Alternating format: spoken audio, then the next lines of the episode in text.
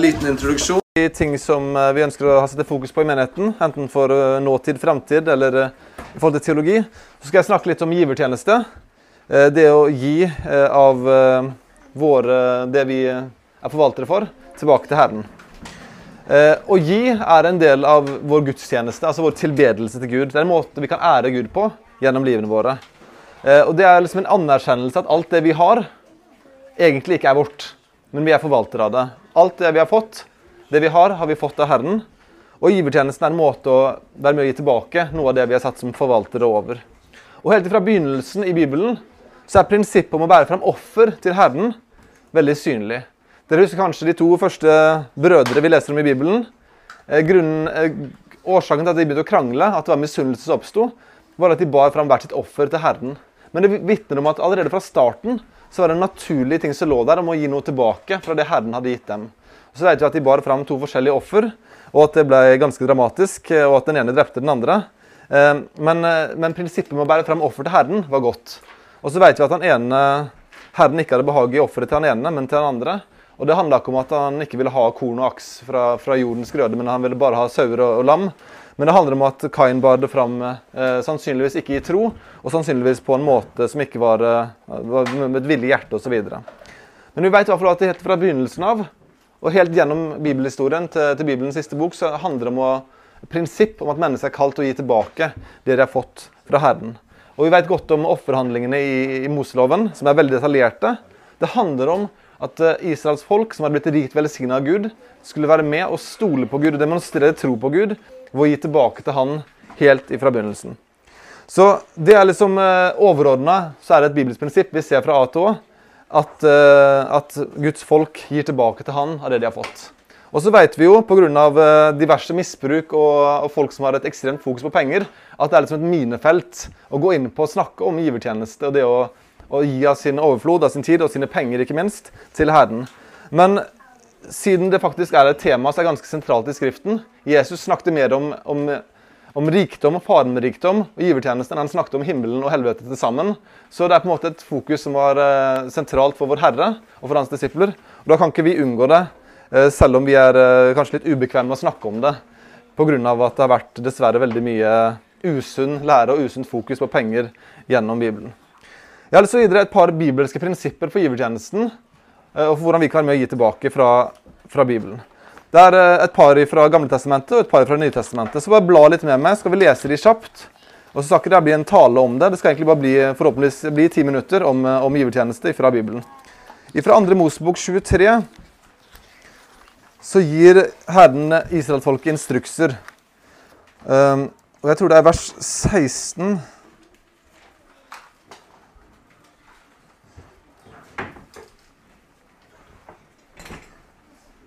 Nei, skal vi se her. Nå har jeg kanskje bomma på avsnitt her. Skal vi se her. Ja, vers 19. Så er bare prinsippet her. Eh, Israelsfolket skulle feire høytider, og så skulle de gi tilbake av, av grøden de har fått. Og så står det i, i 2. Mosebok 23, vers 19. Eh, bare et enkelt vers. Halve verset skal vi bare se på. Da sier Herren til dem Det første av din jords førstegrøde skal du bære til Herren, din Guds hus. Altså det første av det de fikk avlingen, det som kanskje de hadde venta lengst på og var mest begeistra for, og det som kanskje på en måte var mest sånn ettertrengt, det skulle de ta til side og gi tilbake til Herren som en gave til han. Eh, Og Det er altså et prinsipp vi ser helt ifra Moseloven ble gitt, og helt til, til slutten av, av Bibelen. Kan se i 1. Korinterbrev kapittel 16, vers 2, når Paulus instruerer menigheten der om, om givertjenesten der. Så sier han følgende til dem. På den første dagen i uken skal hver av dere hjemme hos seg selv legge til side det han, det han får lykke til, for at ikke innsamlingen først skal begynne når jeg kommer. Og Prinsippet er igjen at liksom når de hadde fått kall det, dagslønna si og skulle rasjonere for uka, så skulle de på den første dagen, ikke den siste dagen, når de så De skulle ikke vente til, å, til slutten og se ok, hvor mye har vi igjen, hvor mye skal vi gi av restene våre. Nei, helt i begynnelsen skulle de sette noe til side, og skulle de tilpasse livet sitt deretter ved at de hadde gitt noe tilbake til Herren. Og Det ser vi et prinsipp som går Vi kunne sett på masse vers i Gamle Testamentet hvor, hvor Herren er veldig opptatt av at det første skal gå tilbake til Han. Når det er snakk om å gi, eh, feire påsken, så skulle ikke de ta det, liksom, det dårligste lammet som de egentlig ikke hadde bruk for. De skulle ta et lyteløst lam, Et lam som hadde på en måte høy verdi, og som var, var, var det beste de hadde å gi tilbake til Herren. Og Det er en måte å demonstrere tro på. For når vi gir til Herren først, så betyr det at ok, da må vi leve litt annerledes, for vi har litt mindre å disponere over for oss sjøl. Og så må vi stole på at Gud kan hjelpe oss til å disponere, til å ha det vi trenger til hverdagen, og at han vil velsigne oss tilbake. Det er også et vers i Ordspråkene kapittel 3 som jeg ville lese kjapt for oss òg, som handler om det samme. Ordspråkene 3, 9. Vis Herren ære med gaver av ditt gods, og med førstegrøden av hele din avling. Her er en prinsipp om førstegrøden, det som er først. Så, så det første måte, prinsippet i Bibelen om givertjeneste handler om å, om å sette noe til side ved begynnelsen. Og for oss eh, flest som får lønn eller, eh, eller, støtte av forskjellige slag, så er det jo en gang i måneden vi kanskje får utbetalt det. Noen kanskje annenhver uke osv. Men, men det handler om at i begynnelsen av måneden, når vi får våre utbetalinger og, og har kostnader for en måned, så kaller Gud oss til å tenke gjennom på starten av måneden hvor mye av det jeg får inn, vil jeg sette til side og gi tilbake til Herren. Og Det er liksom et prinsipp som er viktig, og som får oss å tenke gjennom at vi kanskje må kutte tilbake på andre ting. Det gjør at vi planlegger og tenker Herren først, og så alt det andre. Og Det er et veldig godt prinsipp å ha å leve etter, som også er veldig bibelsk. Og Så er det et annet prinsipp her.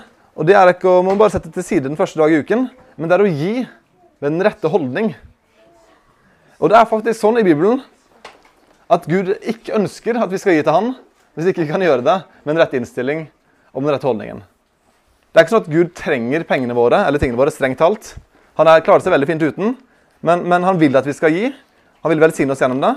Men hvis vi ikke gir med, holdt jeg på å si, hvis ikke vi har lyst til å gi, og vi gir med dårlige holdninger, så har ikke han lyst på, på gavene våre. Og Det er liksom noe som er liksom ransakende for oss. da. Kan vi gi med den rette sinnelag?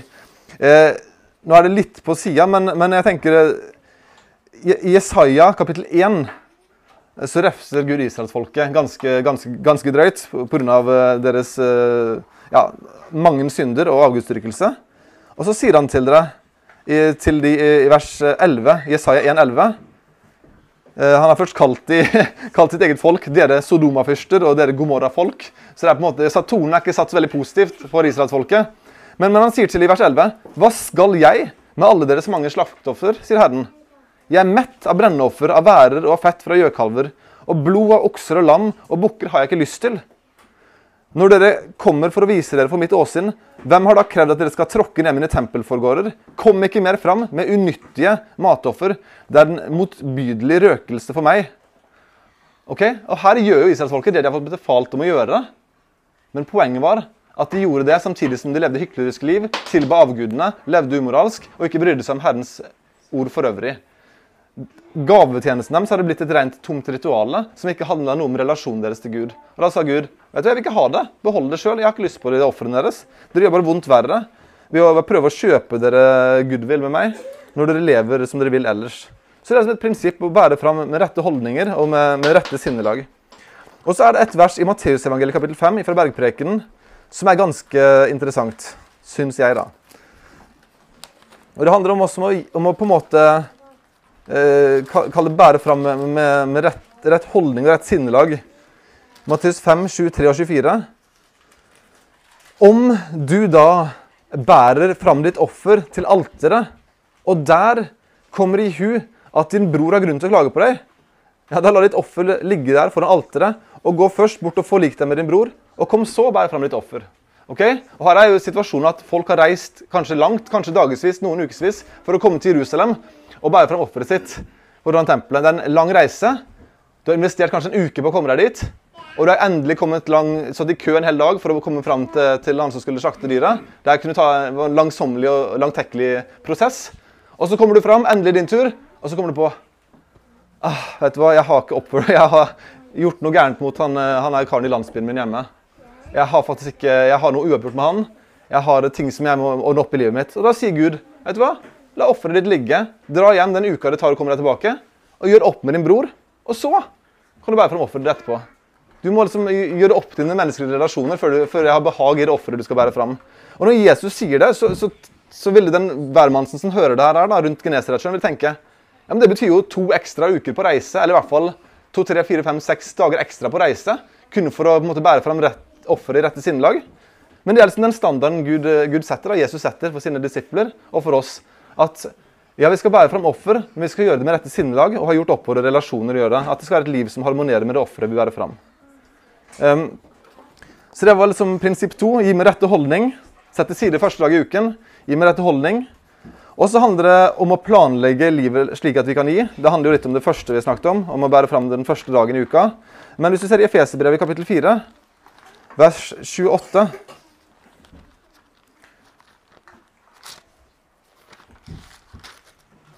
Så sier Paulus til dem Den som stjal, må ikke lenger stjele, men heller arbeide og gjøre noe godt med sine egne hender, så han kan ha noe å gi til den som trenger det.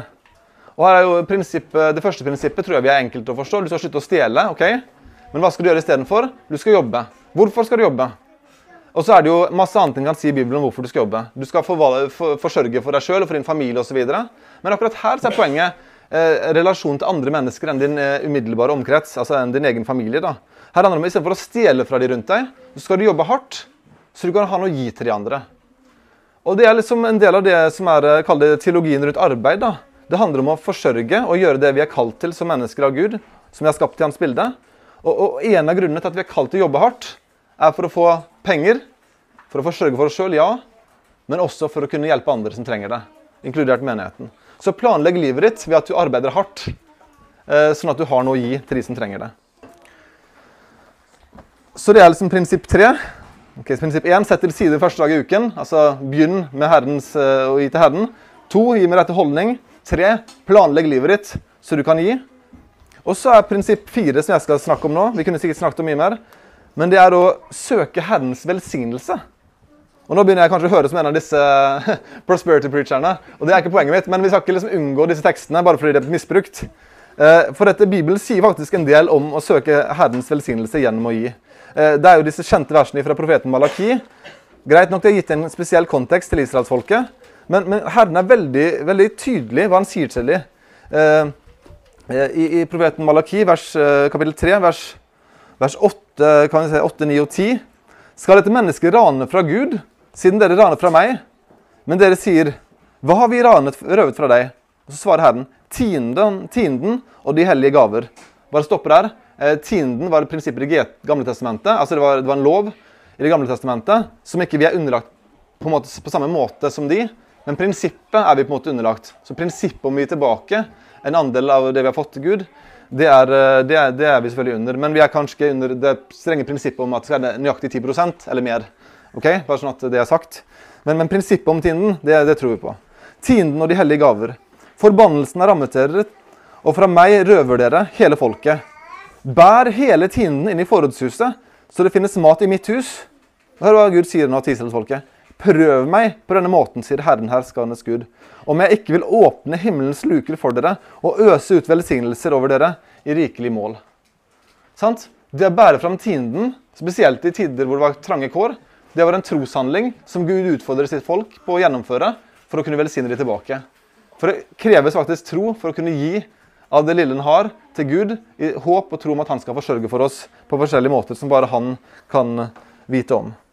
Så det er det ene holdt jeg på å si, prinsippet om å, om å søke Herrens velsignelse gjennom å gi. er det fra det verset. Men så er det fra 2. Korinterbrev kapittel 9, eh, vers 6 og 7, som egentlig omhandler flere av disse prinsippene vi har snakka om allerede.